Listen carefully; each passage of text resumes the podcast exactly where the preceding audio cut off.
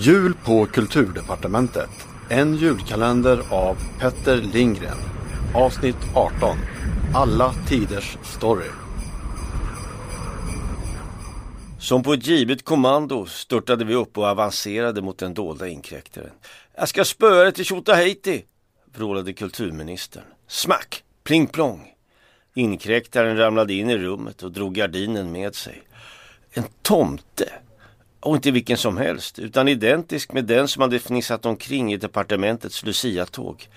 Ursäkta, jag kunde inte hålla mig, fnissade den. Alla tider står det ju.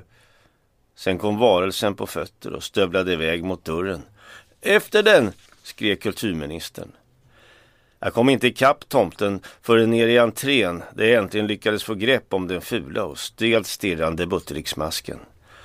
Kanske var dess bärare inte på pricken lik sin tecknade Baylan-bild på Aftonbladets kultursida. Men ändå, jag kände igen honom mycket väl.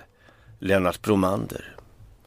I samma ögonblick som murveln slirade iväg i Drottninggatans bruna snösörja uppfylldes luften över mitt huvud av violetta små änglar. Det var gatlamporna som just hade börjat sitt långa nattskift. En metallisk röst ekade mellan husväggarna.